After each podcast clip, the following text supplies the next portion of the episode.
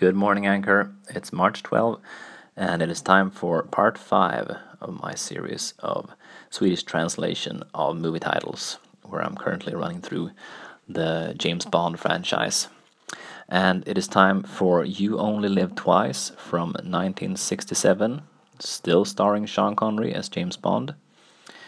Um, and uh, I have a very clear memory of seeing this movie the first times. Yes, the first times. Um, the first time I saw Bond movies was when one of the Swedish cable channels uh, ran a few of them. And I didn't have cable, or my family didn't have cable, but my paternal grandparents did. And they usually recorded them for me on VHS. Um, and one weekend I stayed at their place, and I think me and granddad saw You Only Live Twice as it aired but I do know that we recorded it because I think that in less than 48 hours, less than 24 hours, I saw the movie three or four times. I thought it was awesome.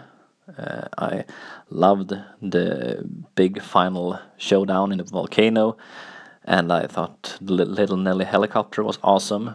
Um, this is one of those movies where things start to get out of hand uh, in the in the Bond series if uh, From Russia with Love is very realistic, this is very fantastical. Anyway, let's not waste more time on that. Uh, you Only Live Twice is in Sweden. In Sweden, it is titled Man lever bara två gånger. Man lever bara två gånger. Uh, and that is a literal translation of You Only Live Twice, so there's really nothing to say about it. Um, and now the the beep has started, telling me that uh, the wave is about to end.